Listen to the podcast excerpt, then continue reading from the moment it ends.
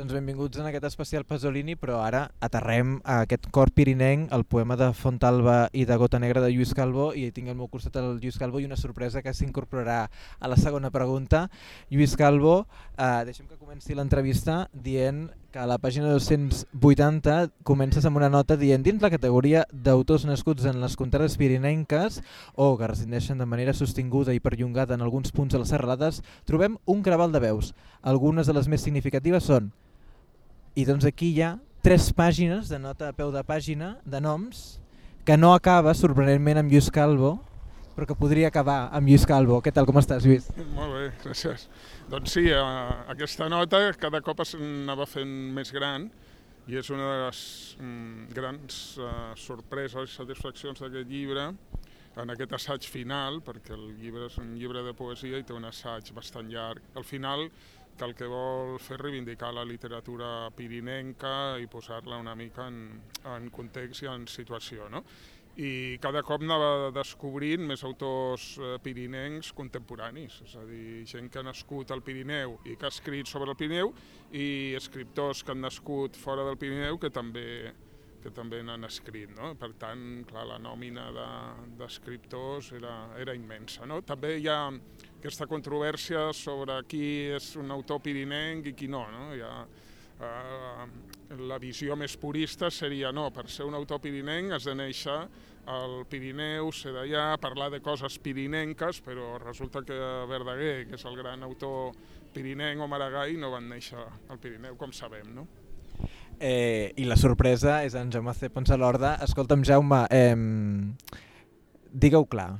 La gènesi, eh, tot comença amb el verb, no? que diríem, però tot, tot comença també amb una irrupció en, el teu, en aquest cas eh, com a protagonista, en aquest cas eh, principal. Moltes gràcies, Bernat. Soc un gran fan d'aquest podcast, per tant estic molt content de poder participar com a sorprena i, a més a més, pasoliniana, la qual cosa és real.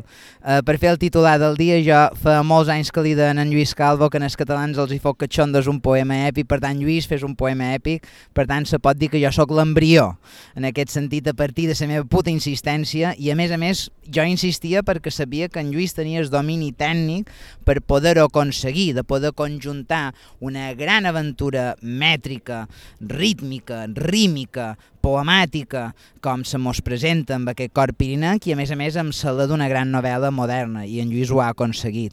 Per tant, és un gran honor que ho hagi pogut treure a la fosca de Leonard Montaner i tot, aquesta gran col·lecció que ja li havia tret aquesta antologia panoràmica que es llum a l'Arsenal i també el poemari salvàtic anteriorment i per mi és una obra magna i és una consagració i que serveixi aquest programa precisament perquè molta gent hi vagi i ho llegeixi i se deixi sorprendre perquè és un gran poema èpic però se llegeix en l'entusiasme, el deliri i el fervor d'una novel·la quixotesca. Uh, novel·la quixotesca, m'agradaria preguntar-te perquè hi ha molta diversitat, no sé si m'agradaria, o puc dir-li de gènere, pel, pel que fa a la mètrica, pel que fa... Um, podem llegir alguns exemples? No sé si...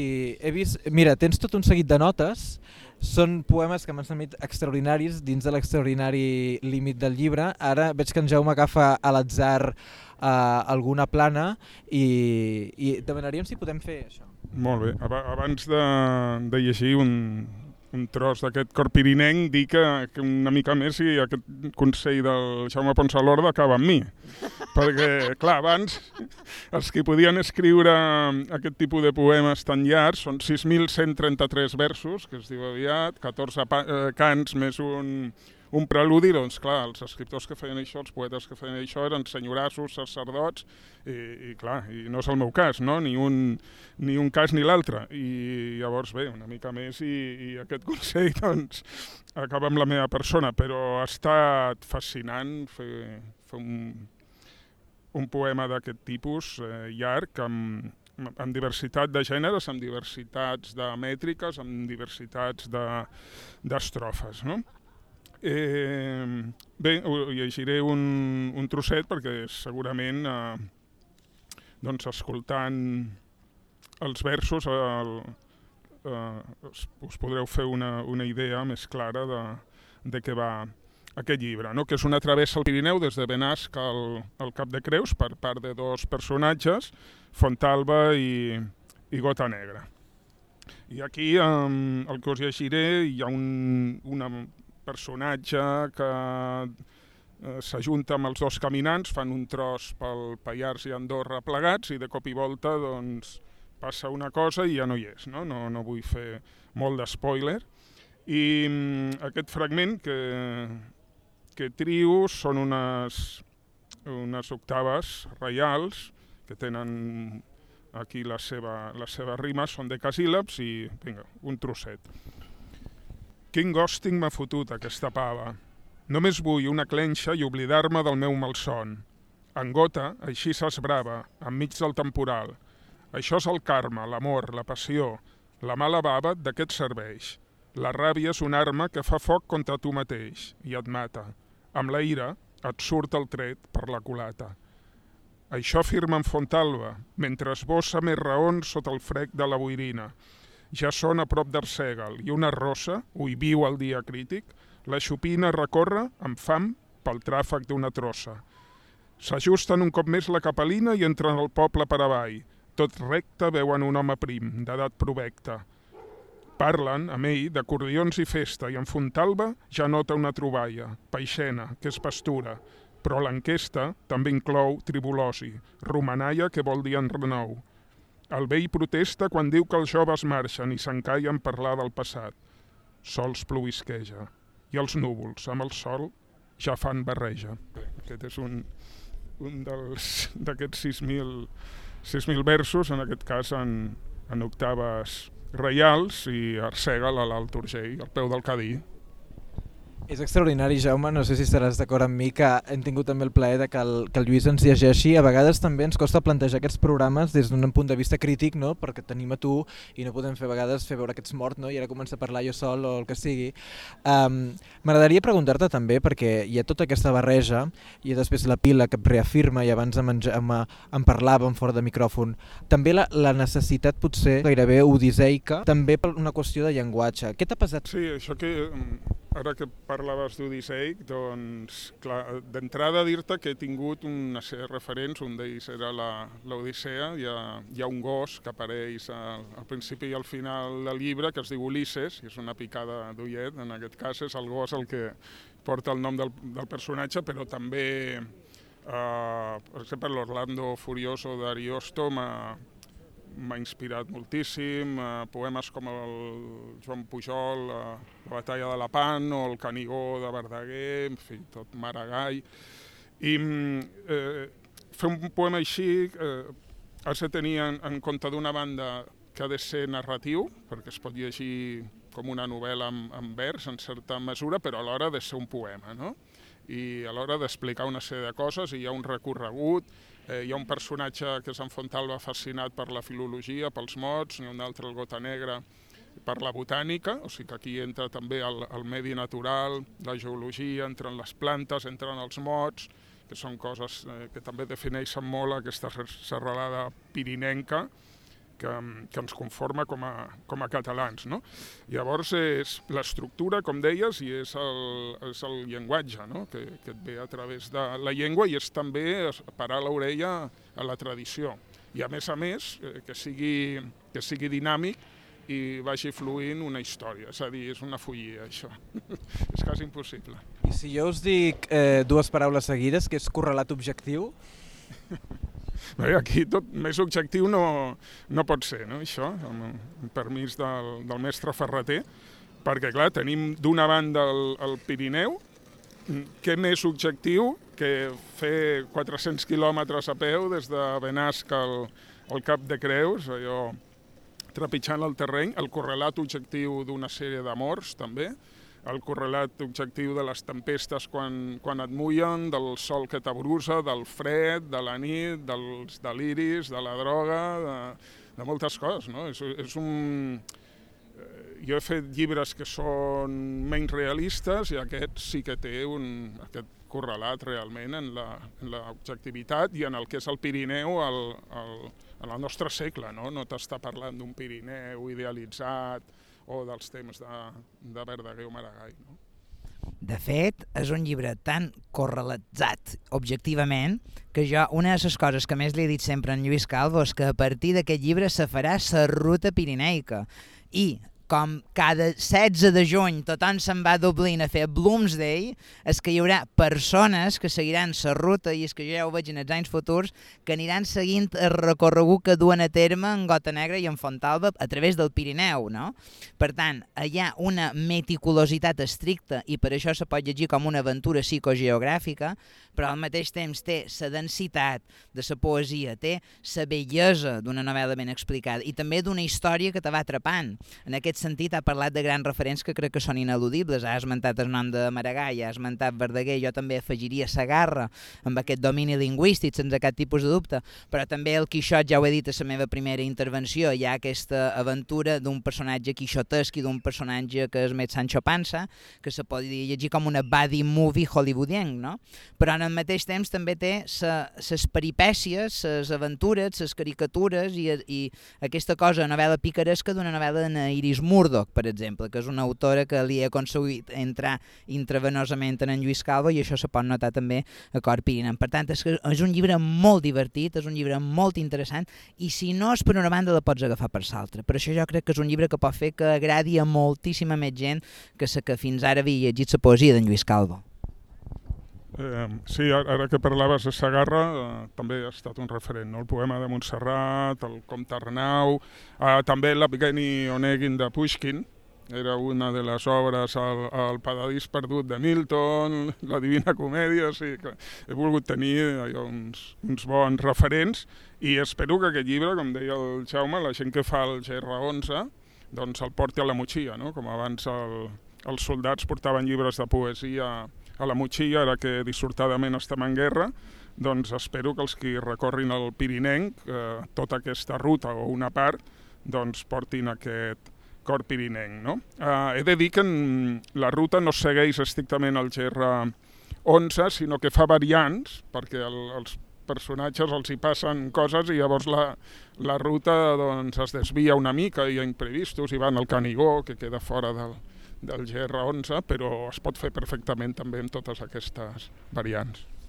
I per acabar aquest primer bloc de l'entrevista, hi ha un altre fragment que m'he marcat, que és aquesta elegia del caminant que fa camí. Jo no sé si la vols llegir tu també, Lluís, o inclús veig el Jaume, uh, si la volgués llegir ell, què voleu fer?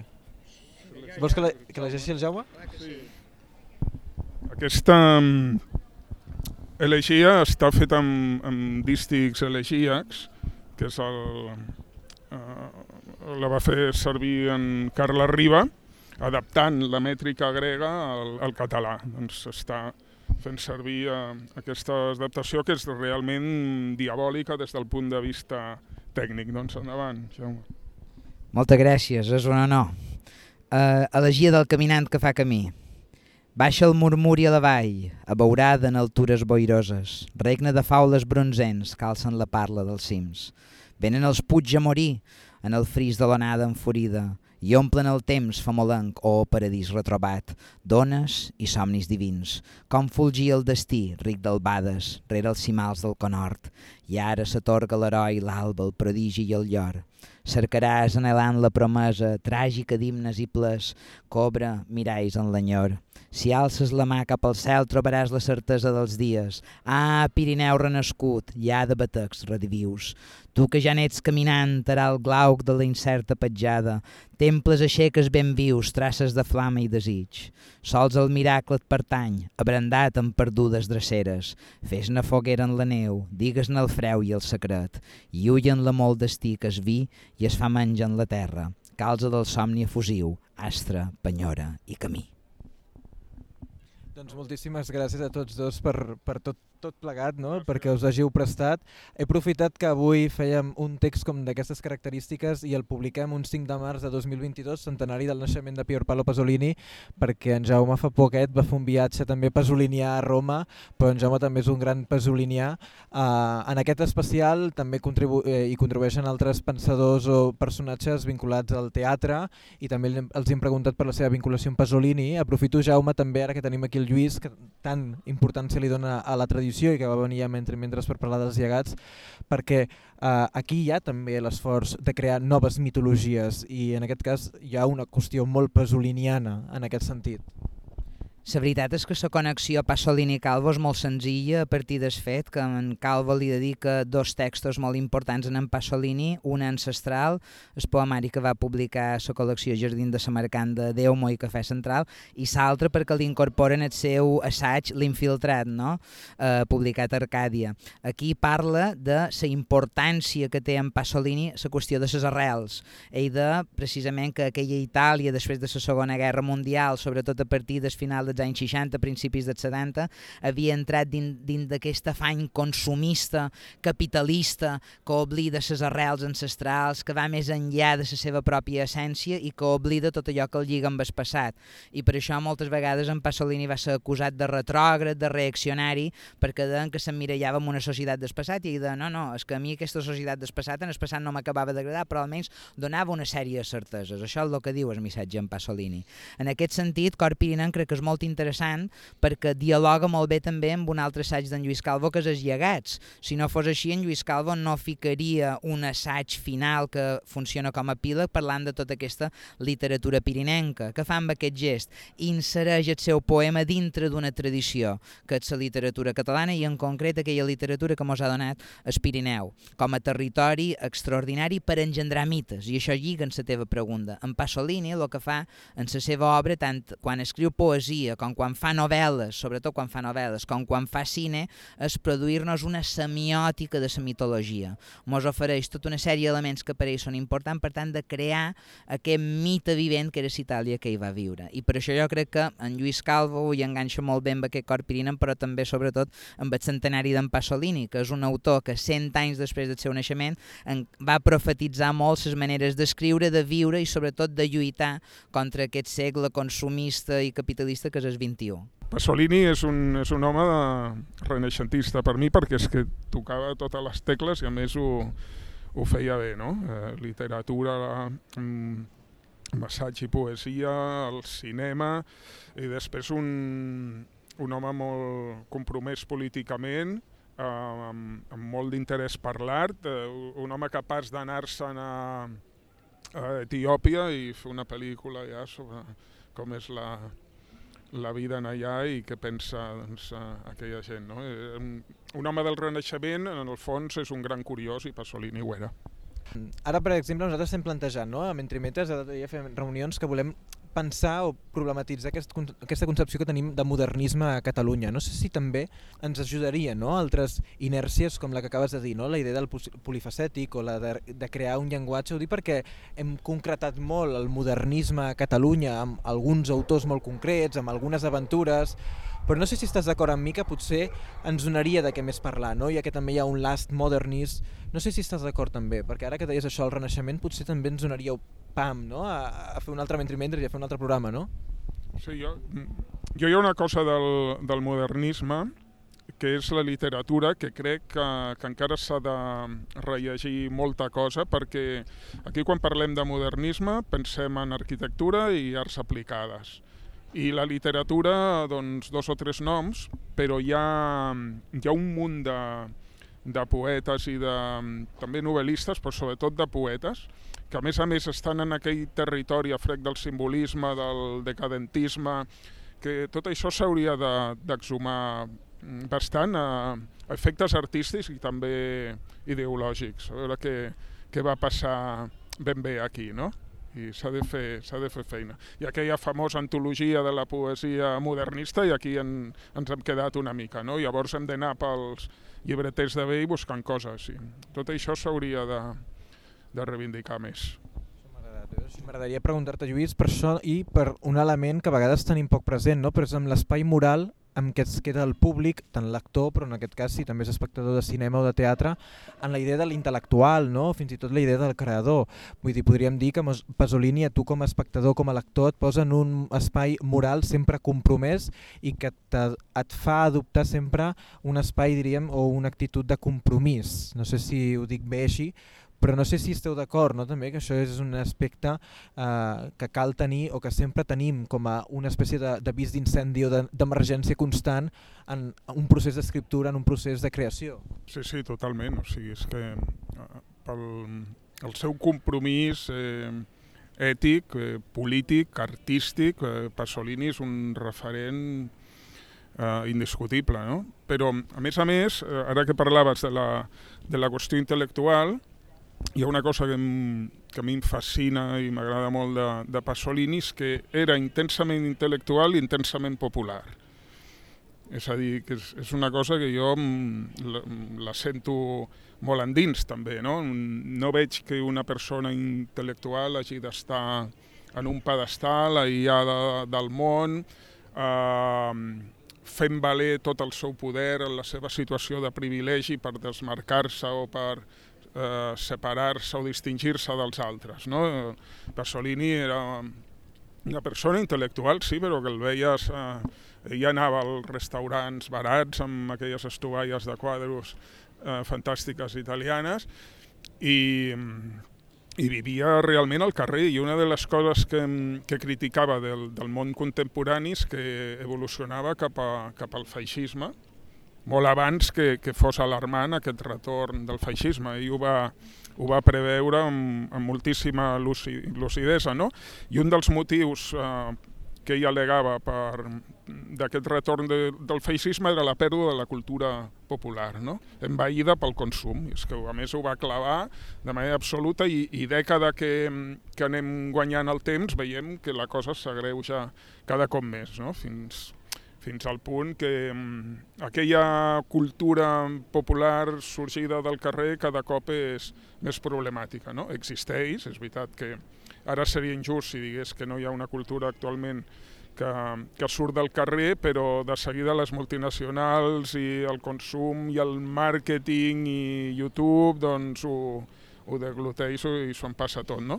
Eh, Pasolini el que deia que hi havia comunitats que en ple feixisme italià doncs, eren immunes a aquesta ideologia perquè tenien un micromón. No? ja tenien el seu funcionament, les seves lleis, les seves, la seva manera de funcionar, que era totalment impermeable això. I això, clar, és una cosa que, que hem de tenir molt, molt en compte. La figura de l'intel·lectual, la figura també del, eh, no sé si dir híbrid o polifacètic, no? també eh, la barreja no? de poder fer cinema, poder fer teatre, poder fer eh, poesia, poder fer assaig o poder fer l'article constant. No? Uh, també són d'aquestes coses que potser a dia d'avui encara ens fan passar, no? De, que pensem que això és la modernitat, però la modernitat potser fa uns quants dies que funciona. Us agraeixo als dos que us hagiu apuntat en aquesta aventura en un dia com avui i publicar-ho un dia com a, com a del 5 de març de 2022. Uh, espero que aquesta gira Cor que funcioni us vagi molt bé i us doni moltes alegries i a tu Jaume espero retrobar-nos eh, amb, amb la traducció que portis, amb el llibre de poesia que també n'hem dit, no? que també n'hi ha un uh, que avui ens has portat que fa referència també a Pasolini amb una cita inicial i que ara et donaré el pau per, per concloure, però moltes gràcies, eh, els dos. Moltes gràcies. Mira, es era, comença amb aquestes paraules d'en Pasolini, que crec que van molt bé avui pel centenari, que lliga molt amb Cor Pirinenc en el que ha comentat abans en Lluís Calvo, que diu les paraules de Crist, estimeu-vos els uns als altres, en realitat volen dir feu reformes estructurals. Per tant, jo crec que el missatge en Pasolini perdura i que han de fer reformes estructurals. Un gust formar part d'aquesta aventura pasoliniana amb vosaltres. Moltes gràcies. Gràcies.